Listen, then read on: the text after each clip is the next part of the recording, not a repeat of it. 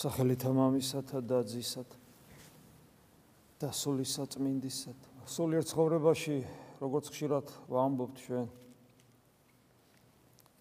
უნდა მოვიხვეჭოთ ის სათნოებები, რომელიც ერთის ხრივ თითქოს ამ სათნოებების გარეშე ადამიანი ადამიანი არ არის.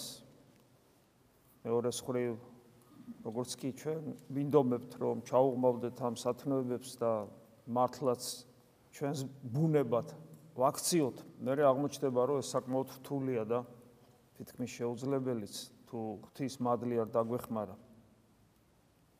და საბოლოო ჯამში მივდივართ იქამდე, რომ ყველა ეს სათნოება, რომლითაც ადამიანი რეალიზდება როგორც ღვთის ხატი და მსგავსი არსება, ეს არის ღმერთთან თანაცხოვრება, როცა ღმერთი როგორც იცოცხლე ჩემში კვიდრდება როგორც ღვთის დაძარში და ჩემი თავისუფალი არჩევანით მე ჩემ ბუნებით ენერგიას ვმორჩილებ ღვთის ენერგიას, საფრთხე ენერგიას, ღვთის ნებას. ორი ამ სათნოებათაგან არის თავისუფლება და სიმდაბლე მორჩილებაში გამოვლენილი. უკვე თვითონ ეს ორი რამ თავისუფლება და სიმდაბლე მორჩილებაში გამოვლენილი.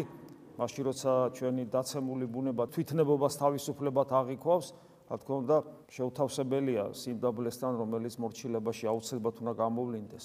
აი დღევანდელი საკითხებების მეტნაკლებად მიგვანიშნებენ ამ საკითხზე და ვფიქრობ საინტერესო იქნება ეს ამ კუთხით ზუსტად. აი დღეს გალატელთა მიმართ ეპისტოლეში ესეთ რამეს ვკითხულობთ რომ პავლე მოციქული ამბობს აბრაამის შვილებზე საუბრობს ისააკზე და ისმაილზე. იცით რომ ისააკის და ისმაილის ორივე აბრაამის შვილი. ეს მაგალითი მოყავს პავლე მოციქულს და ჩვენ ქრისტიანებს გვეუბნება რომ გვახსენებს რომ აი როგორც ისააკი, რითი განსხვავდებოდა ისააკი და ისმაილი? ორივე აბრაამის შვილია. ორივე. მაგრამ ისააკი თქვენ როგორც ისააკი ჩვენ გვეუბნება ქრისტიანებს, აღთქმის შვილები ხართ. ანუ შეიძლება აბრაამის შვილი იყო აღთქმის არა აღთქმის, ანუ ჩვენ რო გადმოვიტანოთ ჩვენს თანამედროვე რეალობაში, როგორც ქრისტიანებმა, ჩვენ ვიცით რომ აბრაამი არის ყველა მორწმუნეს мама, ანუ აბრაამი ჩვენი мама, არა ხორციელი როგორც არაბებისთვის, ანუ ისმაილელებისათვის და არა როგორც ებრაელებისთვის, ისააკის შთამომავლობისთვის ესე გამოდის, ხო? არამედ სულიერი თვალსაზრისით აბრაამი ჩვენი мамაა. ყველა მორწმუნეს мама, როგორც გვასწავლის ქრისტიანობა. აბრამი мама, მაგრამ აბრამის მამობა ავტომატურად არ ნიშნავს იმას, რომ აღთქმის შვილი ხარ. ჩვენ ვართ აბრაამის შვილები, დიახ, სულიერი თვალსაზრისით. ქრისტიანები ვართ. და შესაბამისად და მით უმეტეს ეკლესიის წევრები ვართ. მაგრამ აი როგორც ორი შვილი ყავდა აღთქმის და არა აღთქმის. ჩვენს ესე შეიძლება თქვა საკუთარ თავზე. ჩვენ ვართ ნამდვილნი ან ნომინალური. ჩვენ ხშირად ვიყენებთ ხოლმე ამ სიტყვას ნომინალური ქრისტიანი. ანუ ქრისტიანია მაგრამ ქრისტიანი რო არ არის. ანუ ისმაილის შვილია მაგრამ თან თან თან აღთქმის შვილი არ არის. მაგრამ შვილია. ამიტომ ჩვენ და ჩვენი აქ მყოფობით საკუთარი თავის იდენტიფიცირებას რო ვახდენთ ქრისტიანობასთან და მით უმეტეს ეკლესიასთან ავტომატურად, ავტომატურად შვილი ვართ, მაგრამ მაგრამ შეიძლება პრობლემა გქონდეს. შვილი ვართ, მაგრამ აღთქმის შვილი არ ვიყოთ. შეიძლება ნომინალური ვიყოთ, მაგრამ ნამდვილი არ ვიყოთ. მე პავლე მოციქული აგზელებს, ასე რომ ზმანო, ხევლის ზენი კი არა ვართ, ანუ ისმაილის მიმდევრები. არამედ თავისუფალის, ანუ ისააკის. აქ არის ზუსტად ხევლის ზე, ანუ ისმაილი და თავისუფალის, ანუ ისააკი კიდევ ერთხელ აღთქმის მიერი და არა აღთქმის მიერი. როდესაც წირვაზე ვდგავარ, ჩვენ გვესმის ესეთ სიტყვები. სულ თამისგან ყოველთა ესე არის სისხლი ჩემი ახლისა აღთქმისა. რამდენად ვიაზრებ აი ამ სიტყვებს, როცა მე აქ ვდგავარ. ანუ სამყაროს შემოქმედი მოდის ადამიანად, კვდება და მას ტკივა ჩემი ცოდვებისთვის. ტანჯვით კვდება, სისხლი იღვრება და ეს სისხლი რომელიც დაიღვარა ჩემი ცოდვისათვის, უცებ მევე მაწვდის საზრდოთ რომ მისი ორგანული ნაწილი გავხდე ღმერთისა, განკაცებული ღმერთისა და მეუბნება რომ ეს სისხლი შენთვის დავღვარე და ეს სისხლი არის ახალი აღთქმის, ამ აღთქმას მე შენ გიდებ, თეოდორე. ანუ მე დავღვარე შენთვის სისხლი იმიტომ, რომ შენ გადაგარჩინო. ანუ ღმერთი პირობას გვიდევს, აღთქმა როგორც პირობა. ძველი აღთქმა აბრაამთან დადო. აბრაამთან და აქედან გამომდინარე უკვე ისააკთან და იაკობთან. ამიტომ იწოდება ღმერთი აბრაამისა, ისააკისა, იაკობისა. მაგრამ განსაცვიფრებელი ის არის, რომ აი ამ დიდ მამამთავრების შემდგომშიც ხო მოსესის და დავით მეფსალმუნისას და ყველა იმ ძველი აღთქმის მართლისა. და აი ამ რიგებში მე მე ვარ ღმერთი აბრაამისა, ისააკისა და იაკობისა და რა განსაცვიფრებელია, უცებ ჩემი სახელიც იქ წერია, მე ვარ ღმერთი თეოდორესიც და თითოეული თქვენგანის და თითოეული ქრისტიანის. ესმით რა რა რა რა რიგში ჩავდექით ჩვენ? დაიწყო მე ვარ ღმერთი ა ブラ ამისა ისააკისა იაკობისა მრავალი წერტილი თეოდორესი და თითოეული თქვენგანის და თითოეული ქრისტიანის. ოღონ ერთი პირობით თუ კარგად მესმის ამ სიტყვების მნიშვნელობა ეს არის სისხლი ჩემი აღლისა აღთქმისა თქვენთვის მესმის და მრავალთათვის დათხეული. ანუ მე თუ მინდა რომ ვიყო თავისუფალის ძე ანუ ისააკის მემკვიდრე სულიერი აღთქმის შვილის. მაშინ მე ამ აღთქმის აღმსრულებელი თანამონაწილე თანამუშაკი თანამშრომელი გამზიარებელი უნდა ვიყო. და არასოდეს დამოვიწყდეს, რომ იმისათვის, რომ მე მარადილად ვიარსებო, ის ვინ შემქნა და დამბადა, მარადისობაში მას შეუყავარ მისივე სისხლით, მისივე ტანჯვის სისხლით. ანუ მე თუ მინდა რომ ვიყო ნამდვილი შვილი და არა ნომინალური, მე თუ მინდა ვიყო რომ აღთქმის მიერი შვილი და არა არა არა აღთქმის მიერი, ამისათვის საჭიროა რომ მე ვიყო განცდელი განცდელი ქრისტეს მიერ ჩემთვის დაღრული სისხლის. თავისუფალი ძეს რო ახსენებს ანუ მე თავისუფლების შვილი ვარ ესე გამოდის და არა მონის და მე ამას ხას უსვავს კიდე სხვანაირად. პავლემოცკული დააგზელებს თავისუფლებისათვის ნახეთ როგორ როგორ ამბობს სიტყვათა წყობა თავისუფლებისათვის გაგვათავისუფლა ქრისტე თავისუფლებისათვის გამანთავისუფლა. ძალიან საინტერესო სიტყვა წყობაა და ეს ძალიან ბევრ საფიქრალს გვაძლევს. გამანთავისუფლა თავისუფლებისათვის. გამანთავისუფლა თავისუფლებისათვის. არა და ადამიანს და ნახეთ ქრისტემ გამანთავისუფლა თავისუფლებისათვის. ქრისტემ გამან და ქრისტე ქრისტემდე ადამიანი თავისუფალი არ არის? და თუ ქრისტიანი არ არის, ადამიანი თავისუფალი არ არის? თეოლოგიური პასუხია, რომ არ არის ადამიანი თავისუფალი ქრისტეს გარეშე. მაგრამ ახლა ადამიანს კითხე, არა ქრისტიანს კითხე.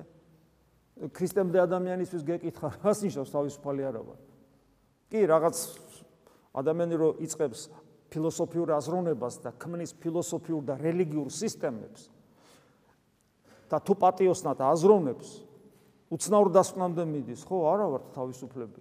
მაგალითად თანამედროვე თითქმის რელიგიათა უდიდესი უმრავლესობა თვით ქრისტიანობის ზოგიერთი დენომინაცია ამბობენ რომ ადამიანი თავისუფალი არ არის.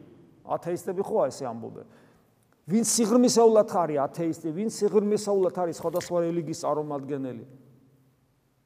ისინი სიღრმისეულად თუ პატიოსნად აზროვნებენ, ასკნიან რომ ადამიანი თავისუფალი არ არის, დეტერმინირებულია ამ სამყაროში. და ვისაც ღმერთი წავს, ღმერთის ნებით არის დეტერმინირებული, ანუ ღმერთის ნება აბსოლუტურია და მე თავისუფალი არა ვარ. და ქრისტიანობა თავის სიღრმით, სწორედ სიღრმისეული აზროვნებითაც რაც არ უნდა ჩაუღმავდე ალოგიკურად ამბობს რომ დიახ არ არის ადამიანი დეტერმინირებული თავისი არჩევანით. ხორცით კი არის და როგორც ქნილება დეტერმინირებულია, მაგრამ თავის პიროვნული არჩევანით ღვთის აბსოლუტური ნებით არ არის დეტერმინირებული. ანუ არ არის ეს ჩაკირული რაღაცნაირად და თავისუფლება წართმეული რაღაც ბიოლოგიური არსება. ამიტომაც დიახას თავისუფლებისათვის დიახ ქრისტემ გაგვანთავისუფლა, გაგვანთა და რისთვის გამანთავისუფლა? რისთვის? თავისუფლებისთვის. სიტყვათა წყობა უცნაური ტავტოლოგია, რაღაც, მაგრამ აი აქ არის სწორედ ის სიღრმე, რომ მე გავიაზრო, რომ მერთმა გამანთავისუფლა რისთვის? თავისუფლებისთვის. ეს თავისუფლება არის რაღაც საოცარი ღირებულება, რომელსაც მე ვერ წვდები, იმიტომ რომ თავისუფლება მომცა იყავი თეოდორე თავისუფლები რისთვის უფალო? თავისუფლებისთვის. ანუ ღმერთობისთვის, მადლით ღმერთობისთვის, თავისუფლება ეს არის ღმერთის თვისება, იმიტომ რომ ღმერთი შეუქმნელია, ღმერთი არავის არ შეუქმნია, მას არ აქვს ყოფიერების მიზეზი გარედან. და მე ხომ აქ ეს ყოფიერების მიზეზი? მე მაქვს, იმიტომ რომ ღმერთმა შეუქმნა. აბა როგორ როგორ გამანთავისუფლა თავისუფლებისთვის? როგორ ხდები თავისუფლა თავისუფალი მე თუ ყოფიერების მიზეზი მაქვს?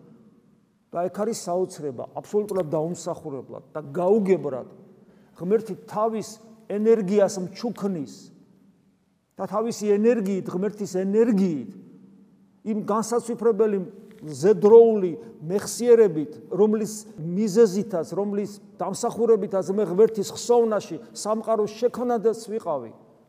ეხლაც ღმერთთან ვარ და მარადისობაში ღმერთთან ვიქნები და მის მიერ დაუმსახურებლად ნაჩუქარი ღვთაებრივი ენერგიით, ანუ მადლით მე მეძლევა შესაძლებლობა ვიცხოვრო იმ ცხოვრებით, რა ცხოვრებითაც ღმერთი ცხოვრობს, ანუ თავისუფლებით და რა თქმა უნდა ეს ქრისტემ მომიტანა, იმიტომ რომ განკაცებული ღმერთი მაძლევს საშუალებას, რომ ღმერთს შეუერთდე. მაგრამ როცა ადამიანი ამ ყოლაფერს გვერდზე წევს და ქრისტე არ უნდა და ამბობს, რომ მე თავისუფალი ვარ, კაცო, აბარა ვარ, და არ ფიქრობ სიღრმისეულად. მაშინ ეს თავისუფლება რა თავისუფლებაა? ეს თავისუფლება არ არის უკვე ღვთაებრივი თავისუფლება, ეს არის თავისუფლება ხორცისთვის, როგორც მე პავლე მოციქული იტყვის, თავისუფლება ხორცისთვის, ანუ დემონური თვითნებობა. დემონური თვითნებობა, რომ მე შემილია გავარჩიო კეთილი და ბოროტი, ვიცი რა არის სიმართლე, რა არის უსამართლობა და ვიცი რა მე ვარ მე მე ვარ რაცა ვარ. მე ვარ რაცა ვარ. რაც აღმოსავლურ რელიგიებმა დოქტრინალურად მიიღეს თავის თავში და რასაც თითოეული ადამიანი მეტნაკლებად რეალიზებას უკეთებს ამას მე ვარ, იმიტომ რომ ეს ვლინდება იმაში, რომ ჩვენ საჯულები ვართ ყველა დანარჩენი ადამიანების. და აი პავლე მოციქული აგზელებს მას ტკიცეთ იდექი და ნუ დაიდგამთ მონობის უღელს. ტკიცეთ იდექით და მონობის უღელს უნდა იდგამთ. ესე იგი თურმე რომ ის თავისუფლება, რომელსაც ღმერთი მაძლევს, ის თავისუფლება, რომლისათვისაც მათავისუფლებს. განკაცებული ღმერთი ის თავისუფლება მткиცეთ შესანარჩუნებელია, ბრძოლაა საჭირო. იმიტომ ამბობს მткиცეთ იდექით. იმიტომ რომ თუ იმ თავისუფლებას ვერ შევინარჩუნებ, მაშინ ისევ ისევ კარგავ ამ თავისუფლებას და მე ამას უკვე მონობას უწოდებს. და სხვათა შორის ერთ-ერთი რის გამოც ქრისტე არ უყვარდათ, იცით, сахарებაში კარგად ჩანს. როგორ ბრაზობენ ფარისევლები, რომ ჩვენო თავისუფლები ვართო და უფალი მონებს უწოდებ და თავისუფლები ვართო ჩვენო და უფალი განუმარტავს რომ ადამიანი ცოდვის მონა არ არის თავისუფალი და ამიტომ რომ გვეუბნება რომ მткиცეთ იდექით და ნუ ღარ დაიდგამთ მონობის უხელს. ეხლა ეს მონობის უხელი გინდა არ გინდა გვადგავს ჩვენ, გვადგას ჩვენ. როგორც კი დავიბადებით ეგრევე. გახსოვთ იოანე მოციქულის სიტყვები, რომელიც სახარებაშიც არის უფასო ცდის ეშმაკი უდაბნოში ადამს რაც დაემართა გახსოვთ 64-ში და შემდეგ იონე מחარებელი ამას თავის წერილში განმარტავს, რომ ამ სოფელში ყველაფერი არის გულისთქმაი, ხორცთაი, გულისთქმაი, თვალთაი და სიამაყე ამას სოფლის, ანუ გულისთქმაი, ხორცთა, ესე იგი ეს გემოთმოყარეობა, ანუ სიამეთ მოყარეობა, გულისთქმაი თვალთაი, მომხოჭელობა, ვერცხლის მოყარეობა, სიხარბე, ხარბითვალი და სიამაყე და პატივმოყარეობა და გასაგები ეს რაც არის, რა დემონური თვისებაც არის.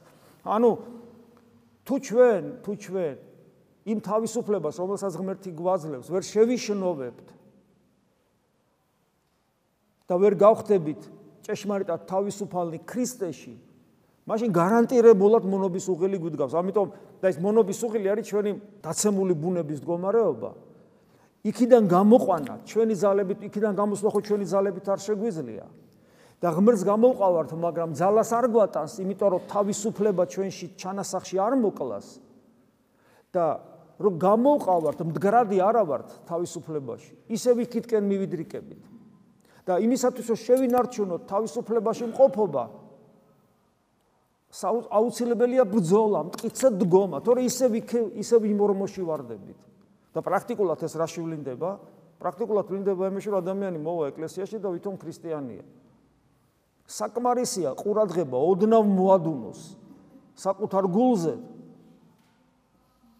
და აღმოაჩენს, რომ ისევ ცოდვაშია, ისევ წუმპეშია, ისევ პატიმოყარეობა ჭამს, ისევ ესე იგი ქვენაგზნობების ტყვე არის, ისევ ეგოისტია, ისევ მრისხანია, ისევ შურიანია, ისევ ისევ ისევ გულქვაა სარწმუნოებაში, ეზარება, ისევ ივიწყებს, ისევ უმეცარია.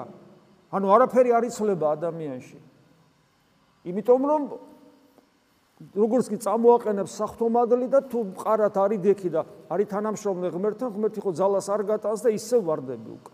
და ერთ-ერთი პრობლემა ამ დროს რელიგიური საცდური შეიძლება ასე ვთქვათ არის ის რომ ადამიანი ამ დროს იხიბლება საკუთარი ზნეობით და საკუთარი რელიგიური ცხოვრებით. ამიტომაც პავლე მოგცული აგზელებს, ხოლო თქვენ თქვენ რჯულით იმართლებთ თავს. რჯულით იმართლებთ თავს. ანუ რას ნიშნავს რჯულით იმართლებს? ურჯულო კი არა ვარ. აი როგორც ფარისევლებს ემართებ, ურჯულო არა ვარ. რა გინდა, რას არ ვაკეთებ? სასიკვდილოს უდებს, აღარ ჩავდივარ, აღარ ჩავდივარ. ანუ მოწესრიგებული მოქალაქე ვარ. აღარც კი ვიგინები, აღარც თამბაქოს ვეწევი, აღარც ვთრები, აღარც ნარკომანო. რელიგიური ცხოვრებით ცხოვრობ. და აი, ნახეთ პავლე მოციქული როგორ ამბობს, ხოლო თქვენ რჯულით იმართლებთ თავს თამასობაში უქრისტეოდ დარჩით და მოაკლდით მადლს. ესე იგი, მე შეიძლება ზნეობრივი ცხოვრებას ქონდეს, რელიგიური ცხოვრებას ქონდეს, მაგრამ ეს იყოს უქრისტეო, რასაც ჩვენ ხშირად ვამბობთ. აი პავლე მოციქული კიდევ ერთხელ გვიგვეუბნება, კიდევ ერთხელ გვახსენებს, რომ შენ რომ რელიგიური ჯული გაქვს და ზნეობრივად ცხოვრობ, ეს არაფერს ნიშნავს ჯერ კიდევ, იმიტომ რომ შეიძლება იყო უქრისტეოდ და მადლს მოკლებული. და ეს ეს ნიშნავს იმას, რომ ჩემს ყოველდღიურობაში, ყოველდღიურობაში, არათუ ჩემს უბრალოდ ყოფით საქმიანობაში, არათუ რელიგიურ ცხოვრებაში, არათუ ზნეობრივი ნორმების დაცვაში, არამედ ყოველ სუნთქვაშიც კი, როგორც ხშირად ვამბობ, ქრისტესთან ერთობას უნდა ვეძებდეთ. იმიტომ რომ ქრისტეს ერთობის გარეშე აი ეს მყარად, მყარად ჩავიბეჭდოთ თავში, არაფერი ვართ ქრისტეს გარეშე, არაფერი, არაფერი. ადამიანი არაფერი, არაფერი, ადამიანი სარიელი ადგილი. სიცარიელი, არაფერი არ არის ადამიანი. უკეთეს შემთხვევაში, იმიტომ რომ სამწუხაროდ სარიელი ვერ რჩება ადამიანი და ეშმაკი საკუთარ სახლად თulis და ის ის მკვიდრდება ჩვენში. ქრისტეს გარეშე ადამიანი არაფერია, არაფერი. მხოლოდ ქრისტეთი ვართ, რაც ვართ. როცა ადამიანს ქრისტესთან ერთობის ეს მყარი და ქრისტესთან პიროვნული ერთობის, ამ პიროვნული ურთიერთობის ძიების მყარი ფუნდამენტალური სოფხედელობრივი ეს განცდა არ აქვს, ეს არის ყველაზე მთავარი. ადამიანს ექნება იმ წამსო ილუზია რომ ის რაღაცას წარმოადგენს და ეგ არის ზუსტად აი ეს თავისუფლებასაც ხო კარგავს რომ ქრისტია მხოლოდ თავისუფალი როგორც შეუქმნელი ღმერთი და თავის თავის თავში რომ განმაღმრთო მე მე უცნაურად გაუგებრა და დაუმსახურებლად და გონება მიუწვდომელად მაწვდის თავისუფლებას და ამასთან ერთად, ამასთან ერთად მე ხო უნდა მივიღო ეს, რასაც ჩვენ საუბრობთ, ხო? მე ხო უნდა მისგან გამოწვილი ხელი მივიღო, ანუ მის საფრთხონებას, ჩემი საფრთხონება დაუმორჩილო. და ამით გამოვავლინო ღვთის განგებულებისადმი მორჩილება, ანუ მორჩილება გამოვავლინო და ეს უცნაური ანტინომიური წვილი თავისუფლება და მორჩილება ერთად არსებობს ამ დროს ჩემში. ჩემში ეს დემონური სიამაყე უნდა ფაქტურად განადგურდეს შეიძლება ასე ითქვას. და ამას ჭირდება დიდი ღვაწლი, იმიტომ რომ როგორც გუშინ გითხარით, ჩემს პიროვნულ არჩევანს ჩემი გული ხო არ ემორჩილებ და ეს დაუმორჩილებლობა ჩემი გულისა და სიმგაბლის არარსებობა და ღვთისგანგებულებისა და მიმორჩილების არარსებობა, საკუთარი თავისუფლების არ გაფრთხილება ვლინდება აი ისეთ მდგომარეობაში, რომელსაც უფალი ამბობს, აი დღეს ლუკას სახარებას და სახარებაში აღმოვიკითხეთ, მერვე თავია. რადგან ვისაც აქვს მას მიეცემა და ვისაც არ აქვს მაგრამ ასე გონია მაქვსო, მას წაერთმევა. ანუ თუ შენ მართლა გული გული გაუხსენი მადლს და შენში ცდილობ რომ თავისუფლება, რომელსაც ღმერთი განიჭევს, ის გაიაზრო და შეიტკბო მადლიერებით და ღვთის განგებულებას დაემორჩილო. იყო თავისუფალი და მორჩილი ერთდროულად, გონება მიუწვდომლად. და ამითაც ქრისტეს დაემსგავსო, რომელიც ღმერთია, თავისუფალია და თან მუდამ ავლენს თავის მორჩილებას ზეციური მამის მიმართ და თან სრული თავისუფალია, იმიტომ რომ ქრისტეა და ღმერთია.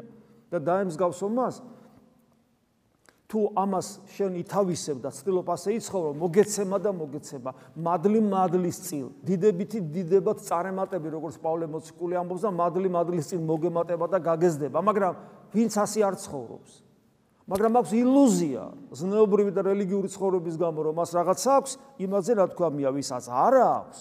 მაგრამ ასეთებს გონიათ რომ მაქვსო. ადამიანს გონია რომ აქვს. ისის წაერთმება რას აქვს და სხვათა შორის მას წაერთმება ყველა ის სიკეთე რომელიც ამ ცხოვრებაში ბოროტსაც გააჩნია. და ეს არის სწორედ ჯეჯოხეთი ღმერთთან დაგვიფაროს. შეგვეციო სუფალი და მოხსეს ის სიბრძნე რომელიც სულიერ ცხოვრებას აუცილებლად ჭირდება ის ყურადღება, კონცენტრირება, ჩაღმავება, სერიოზულობა სულიერ ცხოვრებაში. მოხსეს ეს რომ აი წმინდა წერილიც გავიგო და წმინდა წერილიც ჩვენს ცხოვრებაში გავაცოცხლოთ უფლის წყალობით ამინ. მადლი უფლისა ჩვენისა იესო ქრისტესი. და სიყვარული ღვთისა და მამისა და ზიარება სულისა წმინდისა იყოს თქვენ ყოველთა თანა. ამინ